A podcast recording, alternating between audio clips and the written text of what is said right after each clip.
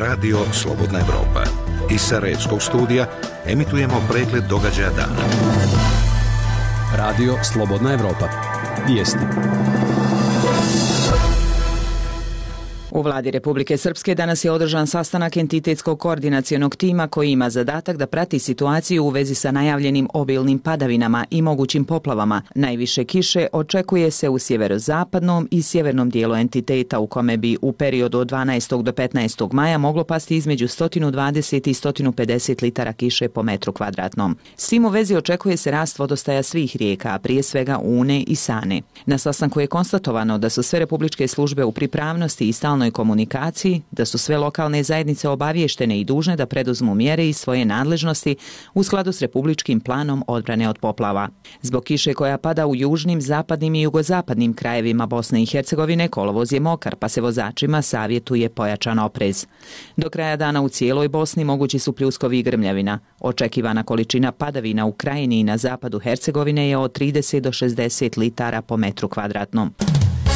Predstavnički dom federalnog parlamenta zasjeda sutra, a tema tematske sjednice je migrantska kriza i humanitarno-sigurnosna situacija u Unsko-Sanskom kantonu. Predsjedavajući Elvir Karajbić kazao je da su zastupnici iz tog entiteta uputili u proceduru i prijedlog mogućih zaključaka sa preporukama za poštivanje konvencije o izbjeglicama, angažman državnog vrha u ublažavanju posljedica migrantske krize, kao i za pomoć federacije, koliko je moguće za zdravstvene kapacitete i sigurnosne granične službe. Za sutra je sazvan sazvana i vanredna sjednica Doma naroda Federalnog parlamenta, jedina najavljena tačka dnevnog reda je rezolucija povodom presude Međunarodnog krivičnog suda za bivšu Jugoslaviju i Međunarodnog rezidualnog mehanizma za krivične sudove.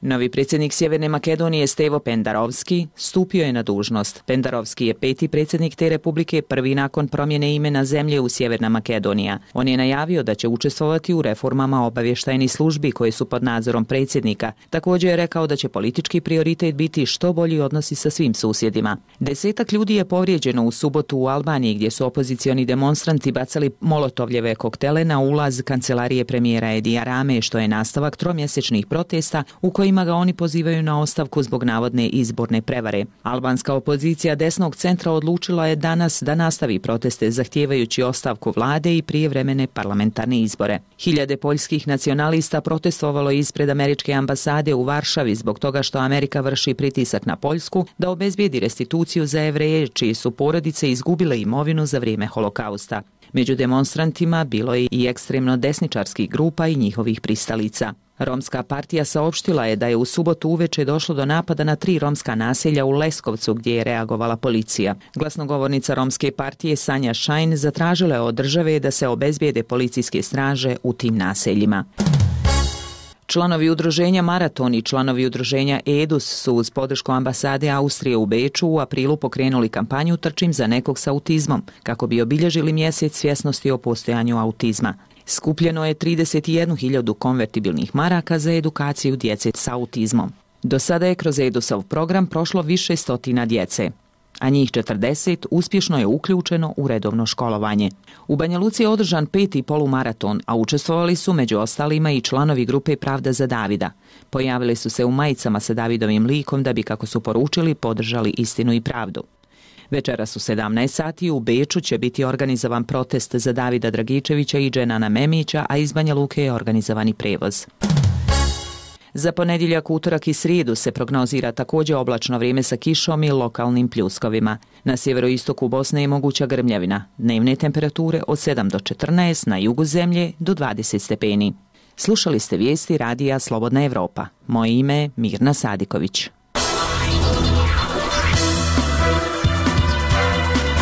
Radio Slobodna Evropa, program za Bosnu i Hercegovinu. Na vratima Evrope. Emisija o evropskim integracijama.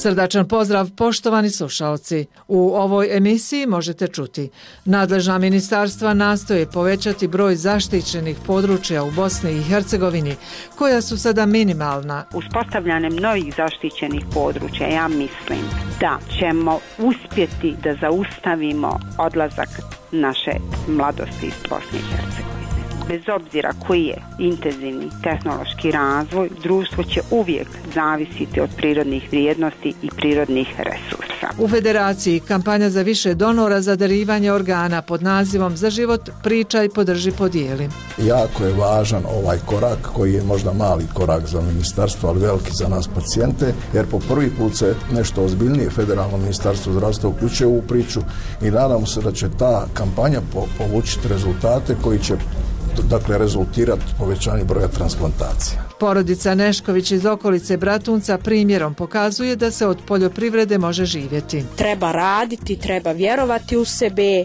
i može se opstati u našoj zemlji. Apsolutno ne treba razmišljati o odlasku. Selma iz romskog nasilja Ružica u Bihaću danas je uspješna umjetnica u Americi. Moja mati je bila jedna velika podrška meni zato što je kroz tu svoju šutnju i strpljenje uspjela da to prenese na mene i kroz savjete kao što je nemoj se udati tako mlada i nemoj biti kao ja. A sada opširnije o ovim, ali i drugim zanimljivim temama. Na vratima Evrope. Bosna i Hercegovina, nadaleko čuvena po svojim prirodnim ljepotama i biološkoj raznolikosti, ima tek 2,2% zaštićenih područja. U federaciji je pod zaštitom 3,2%, a u Republici Srpskoj 1,3% u odnosu na ukupnu površinu ovih entiteta. Standard i preporuka Evropske unije je da svaka zemlja treba zaštititi najmanje 10% svog područja. Napori da se prirodni dragulji zaštite donose rezultate, pa je u planu planu zaštita novih deset područja po petu svakom entitetu. Zineta Mujaković, šefica ocijeka za očuvanje biodiverziteta u Federalnom ministarstvu okoliša i turizma, objašnjava šta je smisao novopokrenutog projekta. Program Ujedinjenih nacija za okoliš u partnerstvu i saradnji sa Federalnim ministarstvom okoliša i turizma kao i drugim relevantnim institucijama provodi projekat postizanja očuvanja biološke raznolikosti kroz uspostavljanje i efikasno upravljanje zaštićenim područjima i izgradnju kapaciteta za zaštitu prirode u Bosni i Hercegovini. Projekat je primarno usmjeren na proširenje mreže zaštićenih područja u Bosni i Hercegovini. Ako samo kažemo da unatoč našoj biološkoj raznolikosti koja je veoma velika, mi imamo zaštićenih svega 2,28% teritorije na nivou Bosne i Hercegovine. Ovim projektom bi se bukvalno uduplala zaštićena teritorija, znači povećala bi se za 100% na nivou Bosne i Hercegovine, jer je predloženo u okviru projekta pod zaštitom da ide 10 novih zaštićenih područja. Što se tiče federacije Bosne i Hercegovine, mi trenutno imamo svega 3,24% zaštićene teritorije, znači proglašenjem novih zaštićenih područja, otprilike bismo imali negdje oko 6,5% zaštićene teritorije. Predložena područja su ovim projektom Livansko polje, planina zvijezda, pećinski sistem vjetrenica, sistem Bjelašnice, Treskavice, Kanjona, Rakitnice, botaničko-floristički rezervat Neum Mediteranetum. Za projekat koji će se realizovati pod okriljem Ujedinjenih nacija, odnosno Fonda za okoliš, iz Republike Srpske su kandidovani Planina Orijen, Bijela Gora, močvarno područje Tišina u opštini Šamac, pećina izvora Mokranske Miljacke, kanjon Prače i pećinski sistem Govještica te kanjon Tare, odnosno tok ove rijeke u Bosni i Hercegovini. Gorjana Rosić iz Ministarstva za prostorno uređenje, građevinarstvo i ekologiju Vlade Republike Srpske naglašava da je u planu sa Republikom Srbijom prvo regionalno, odnosno prekogranično zaštićeno područje rezervat biosfere Drina. Sa strane Republike Srpske, odnosno Bosne i Hercegovine, u sastav rezervata biosfere Drina kao e, prekograničnog zaštićenog područja ući će područje Nacionalni park Drina, a sa strane Srbije to su također već zaštićena područja Nacionalni park Tara i parkovi prirode Mokra Gora i Zaovine. E, sam taj projekat je već ranije planiran i prostornim planom Republike Srpske i planom razvoja regije Podrinje. Bosna i Hercegovina još uvijek nije ni s jednim prirodnim dobrom zastupljena na UNESCO-voj listi svjetske baštine. O tome Gorjana Rosić kaže. I mi u, u Republici Srpskoj i kolege u federalnom ministarstvu naporno radimo da se to promijeni. Ovaj rezervat o kojem smo započeli razgovore sa kolegama iz Srbije bi mogao biti na, na toj listi, ali mi radimo i na zaštiti, odnosno na stavljanju naših, na kandidovanju naših prirodnih dobara i zbog toga je uspostavljena tentativna lista Bosne i Hercegovine kao kandidaciona lista prema UNESCO-u. Za sada, kada je u pitanju Republika Srpska, na, tentativnu listu BiH je uvrštena Prašuma Perućica kao pojedinačna nominacija i Prašuma Janj kao dio serijske nominacije u okviru proširenja međudržavnog serijskog dobra svjetske baštine, iskonske bukove, šume Karpata i drugih regija i Evrope. Kada je u pitanju federacija, na tentativnoj listi je Nacionalni park Una i Pećna vjetrenica. Znači, mi očekujemo da će UNESCO kao najmoćnija organizacija koja se bavi zaštitom svjetske baštine prepoznati sva ova prirodna dobra koja su na nacionalnoj tentativnoj listi i uvrstiti je na listu svjetske baštine. U planu su i drugi predjeli koji će biti pod zaštitom različitog stepena, ističe Zineta Mujaković iz Federalnog ministarstva okoliša i turizma. Već imamo prijedloge za buduća zaštićena područja, ljudi su zainteresovani i mislim da lokalna zajednica a, je razvila svoju svijest i svjesni su toga da zaštićeno područje ne predstavlja ograničenja, nego se pružaju veliki benefiti tog zaštićenog područja, znači održivi turizam i tako dalje, da ne nabrajam, jer se tu otvaraju radna mjesta na svojim pragovima, eto tako da se izrazim. I a, uspostavljanjem novih zaštićenih područja, ja mislim i tvrdim i statistički je dokazano da ćemo uspjeti da zaustavimo odlazak naše mladosti iz Bosne i Hercegovine. Bez obzira koji je intenzivni tehnološki razvoj, društvo će uvijek zavisiti od prirodnih vrijednosti i prirodnih resursa.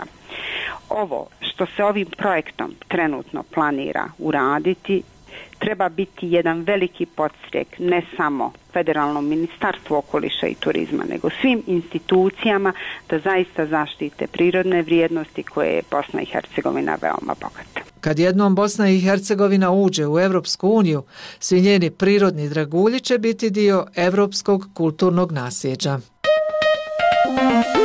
Eurozona. Eurozona. Eurozona. Eurozona.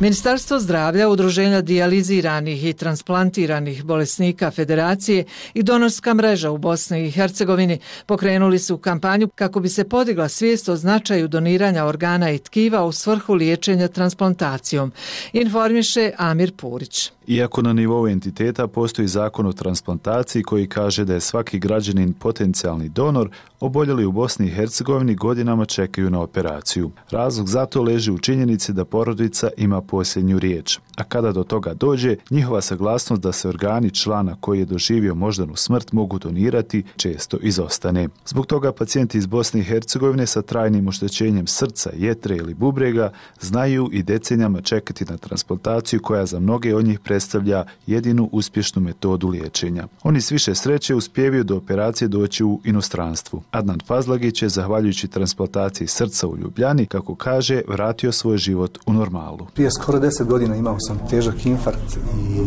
to su bili dani biti ili ne biti što se kaže. Život se nastavio jako teško, kako nažalost danas e, mnogi ljudi žive u Bosni i Hercegovini. Slučajno mi se stvorila prilika, otišao sam na jedan pregled u Ljubljanu i tada su mi pondili e, mogućnost transplantacije koja se radi u okviru Eurotransplant. U našoj zemlji se nažalost ne radi ni dan danas. E, počela je aktivnost oko e, obavljanja raznih pregleda, pretraga, da se vidi da li moje tijelo uopšte zadovoljava uslovi za transplantaciju. Kad se to ispunilo, dobio sam predračun, sakupio novac i 22. decembra 2014. dobio sam srce. E, bio sam na listi čekanja nekih 13 mjeseci. Nakon transplantacije, već nakon, da tako kažem, nakon 48 sati stao sam na svoje noge. Od tada se moj život, tako reći, u cijelosti vratio u prvobitno stanje. Znači sve ono što sam radio prije, a nisam mogao, danas to mogu sasvim normalno kao i svi drugi ljudi. Zbog niske svijesti građana o značaju doniranja organa, u Bosni i Hercegovini se godišnje obavi svega dvadesetak kadaveričnih transplantacija, odnosno transplantacija gdje su donori osobe koje su doživjele moždanu smrt. Cilj kampanje za život, pričaj, podrži, podijeli jeste upravo podizanje svijesti građana o ovom problemu. Tri najbolja kratka filma po izboru stručnog žirija te tri filma koja dobiju najveći broj glasova na Facebook stranici Udruženja dijaliziranih i transplantiranih bolesnika Federacije Bosne i Hercegovine osvojit će novčane nagrade, govori Tomislav Žuljević, predsjednik Udruženja dijaliziranih i transplantiranih pacijenata Federacije Bosne i Hercegovine. Jako je važan ovaj korak koji je možda mali korak za ministarstvo, ali veliki za nas pacijente, jer po prvi put se nešto ozbiljnije federalno ministarstvo zdravstva uključuje u priču i nadamo se da će ta kampanja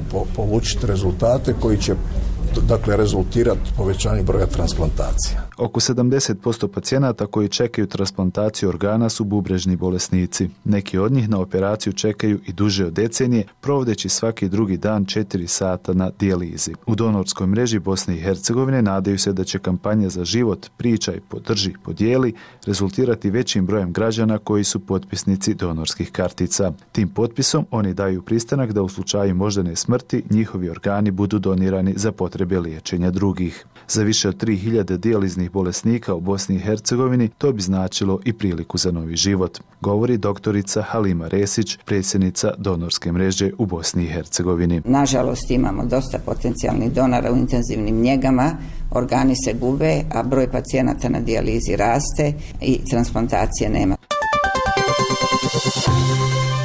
Zemlje Evropske unije još uvijek muku muče s nedostatkom radne snage.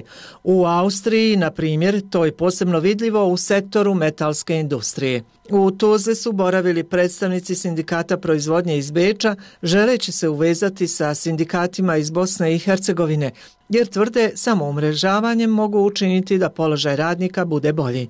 Informiše Maja Nikolić.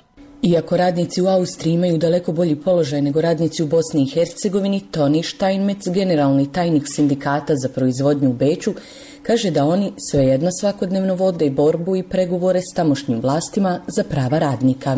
I borimo se jer od prošle godine imamo vladu koja je odmah promenila zakon radnog vremena. Sada imamo dozvoljeno je poslodavcima do 12 sati na dan da se radi, oni to možeju narediti i 60 sati e, tjedno. Mi smo to pokušali u kolektivnim ugovorima da dostignemo i to smo bili uspješni. Ako je tako dugo radno vreme, onda da ima 100% dodatak na to radno vreme, to smo dostigli. Njihova borba sada se ogleda u pokušajima da socijalni standard radnika ne bude umanjen, kaže Steinmetz. Samo upravo u socijalnom osiguranju to se uništava. Poslodavci imaju sada polovica mjesta u, u samoupravi socijalnog osiguranja, što će biti u budućnosti jako loše, jer oni žele privatiziranje zdravstvenog sistema, i toga se bojimo jer to je uvijek za narod bilo skuplje i lošije uvjete ako se treba neku pomoć zdravstvenu. Zato je posebno važna suradnja između sindikata Bosne i Hercegovine i sindikata u Austriji, jer je sve više austrijskih kompanija koje dolaze u Bosnu i Hercegovinu, budući da će ovdje dobiti jeftinu radnu snagu. Najbitnije je suradnja da se izmene iskustva, da se da podrška e, i ja mislim najbolje je ako nama uspe sadržati naš standard, onda će e, vama biti lakše ovdje da to, to stignete i mi sada stojimo pred izborima za Evropski parlament. Mi ne želimo da neko dođe u Evropsku uniju sa niskim platama, jer to je za oba dve strane loše. Kod vas odlaze pogotovo dobro kvalificirani mladi. Mi imamo takozvanu importiranu nezaposlenost i e, naše firme odlaze ovamo i ne cijeneju ovdje radne zakone i kolektivne ugovore. To je za oba dve strane loše. Stoga je, smatra Steinmetz, važno što prije u Bosni i Hercegovini mijenjati sustav i prilagoditi ga europskim standardima. Do sada, na primjer, za Hrvatsku je bilo sedam godina prelazni rok za slobodu na radnom tržištu. Ja bih rekao da bi bilo bolje da, je, da morate 70% našega e, proseka plata dostići da onda bude istom sloboda, to je za vašu vladu i, i za vaš sistem e, razlog da se podigneju plate tako da se sačuvaju ovdje radna mjesta, to osigurava i kvalitetu za život ovdje i suradnja skupa će bolje e, moći. Na naše pitanje kolike su plaće radnika u proizvodnji u Austriji, Steinmetz kaže. To je različito jer imamo 114 kolektivnih ugovora koji na nacionalnom nivou pregovaramo. Sada ima neki, na primjer, pekari i mlinari, oni su jako niski, imaju oko možda 1300 eura, ali u metalnom sektoru je kad počne kvalificirani radnik nakon što je izučio zanata je 2200, prosječne plate može biti oko 3000 e, u metalnom sektoru ako je jako dobro kvalificiran radnik. Reforme za Evropu. Porodica Nešković iz naselja Pobrće kod Bratunca čita vijek bavi se poljoprivredom. Sve je počelo u proljeće 1918. kada je Vojin Nešković na svom imanju zasadio lubenice. Bio je uspješan u tom poslu pa je dobio nadimak Bostanđija. Njegov sin Živorad naslijedio je posao, a znanje prenio na sinove.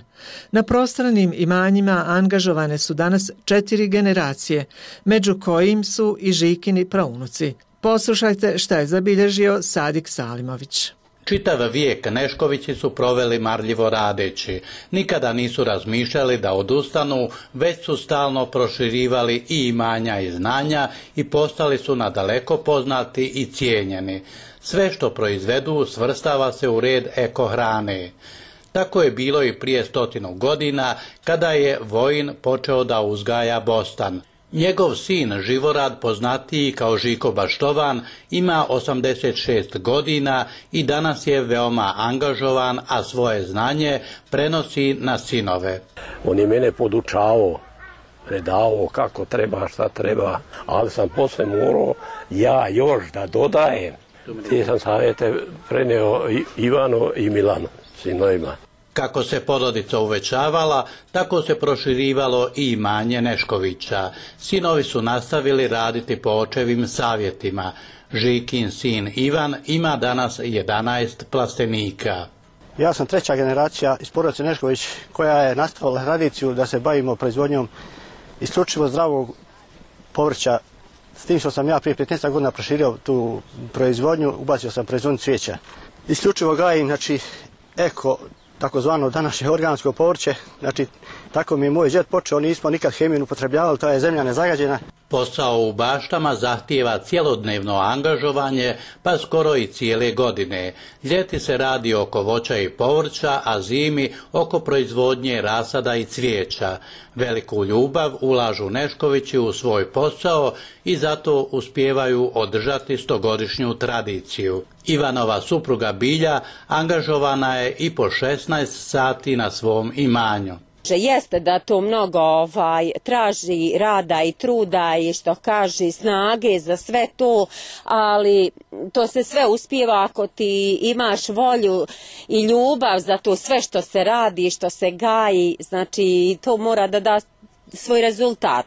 Bilja napominje da je sve što proizvedu na bazi ekohrane. Sve je zdravo, znači krompir, evo sad će biti mlado krompira, E, rotkvu, cveklu, sve znači povrće, praziluk, svo, svo, svo povrće ono koji baš se koristi u ishrani. E, onda još e, uzgajamo razne vrste rasada, znači isto povrća, uzgajamo cvijeće, isto više vrsta, znači pelargonija, E, kadifica, primula, e, ovih e, sezonskih, znači ovih begonija.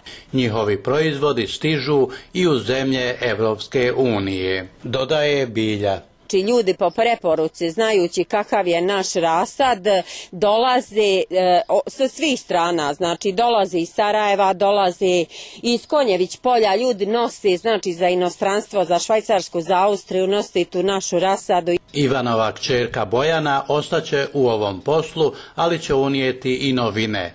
Planira urediti etno selo. Moja porodica se već 100 godina bavi proizvodnjom rasada, cvijeća i zdravog povrća. Ja kao četvrta generacija želim da ostanem na selu i sa svojom porodicom e, i da proširim cijelu ovu priču i da zaokružim sa turizmom, sa jednom turističkom ponudom gdje bih ljudi mogli doći, jesti zdravu hranu, prespavati. Također želim e, da cijeo ovaj posao prenesem na svoju djecu. Mladi mogu da se angažuju na svojim imanjima i da ovdje osiguraju svoju budućnost. Bojana ima savjet za mlade. Jer može se lepo živjeti, znači treba raditi, treba vjerovati u sebe i može se opstati u našoj zemlji. Apsolutno ne treba razmišljati o, razmišljati o odlasku. Slušate program Radija Slobodna Evropa. Obično se kaže da je život Roma uglavnom sličan, pa se o njima stvaraju neki stereotipi. A da baš nije tako, uvjerit će vas naša naredna priča iz Bihaća. Glavne junakinje su Dženita Džemaili, koja je iz Sarajeva stigla u Bihać, gdje je zasnovala porodicu. Selma Selman je iz Bihačkog romskog naselja otišla u Sjedinjene američke države i tamo gradi zavidnu karijeru. Pripremila Dženita Duraković. Iako ima tek 23 godine, Dženita Anita je već majka dvije djevojčice i jednog dječaka. Iako je sretna sa subrukom Erđanom, zbog kojeg je u šestom razredu napustila osnovnu školu, svojim mališanima želi drugačije odrastanje. Svoje djece ne bi preporučila tako, preporučila bi da završu školu, da započnu nešto raditi i tako da.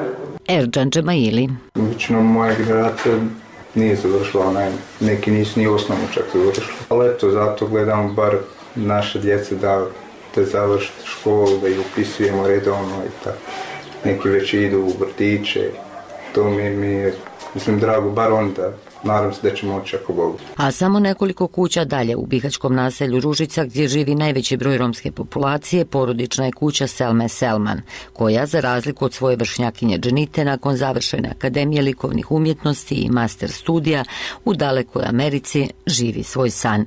Zahvaljujući, kaže prije svega majki Nazi, Selma je uspjela srušiti sve prepreke i probiti sve barijere i sada radi kao asistentica na jednom od tamošnjih univerziteta. Ova mlada umjetnica poznata je od Evrope do Amerike.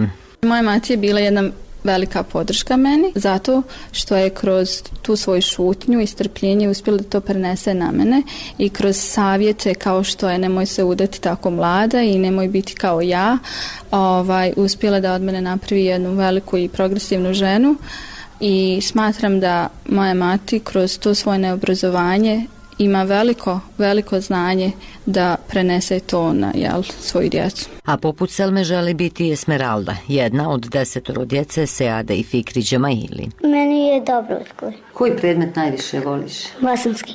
Šta bi željela postati kad porasteš? Nastavnice Vasamskog. Sa snahom i unucima porodica Džamaili broji 18 članova. Svi zajedno žive, niko nema stalnog zaposlenja, ali kažu nekako se preživljava. I djeca i unuci, kaže majka Fikri, idu u vrtić i u školu. Pošto ima redovno u školu, normalno ide djeca i kad treba vrtić, isto u vrtić ide. Unuke isto, ide isto vrtić u školu. Prije rata u gradu na Uni živjelo je preko 2000 Roma. Danas je taj broj smanjen na nekoliko stotina. Ne prose i žive uglavnom od svog rada sakupljajući staro željezo, baveći se trgovinom ili nekim od starih zanata. Zahvaljujući angažmanu nevladinih organizacija i dugogodišnjem radu kako sa djecom, tako i sa roditeljima, danas je slika kada je u pitanju školovanje romske djece potpuno drugačija. Na području nekoliko općina kantona preko stotinu djece redovno pohađa nastavu, a iako rijetko, ima i onih koji upisuju studije. No, problem je što ni tada, kao ni za druge mlade ljude, nema posla, pa i oni sve češće odlaze trbuhom za kruhom. U sve druge, romska zajednica u Bihaću tako se susreće i sa problemom odlaska iz zemlje, ne samo mladih, već cijelih porodica, kaže se Maili, ili predsjednik udruženja romske zajednice Rom iz Bihaća. I oni koji su to stekli znanje, šire ga van Bosne i Hercegovine, šire ga van države, šire ga van svog, svog grada gdje smo se nadali da će ti isti ljudi obučavati našu djecu. Emisiju Na vratima Evrope možete i pročitati na našoj web stranici slobodnaevropa.org. Toliko ove nedjelje, poštovani slušalci. Hvala na povjerenju i ugodno poslje podne žele vam Enes Hrnjičić i Gordana Sandić Hadži Hasanović.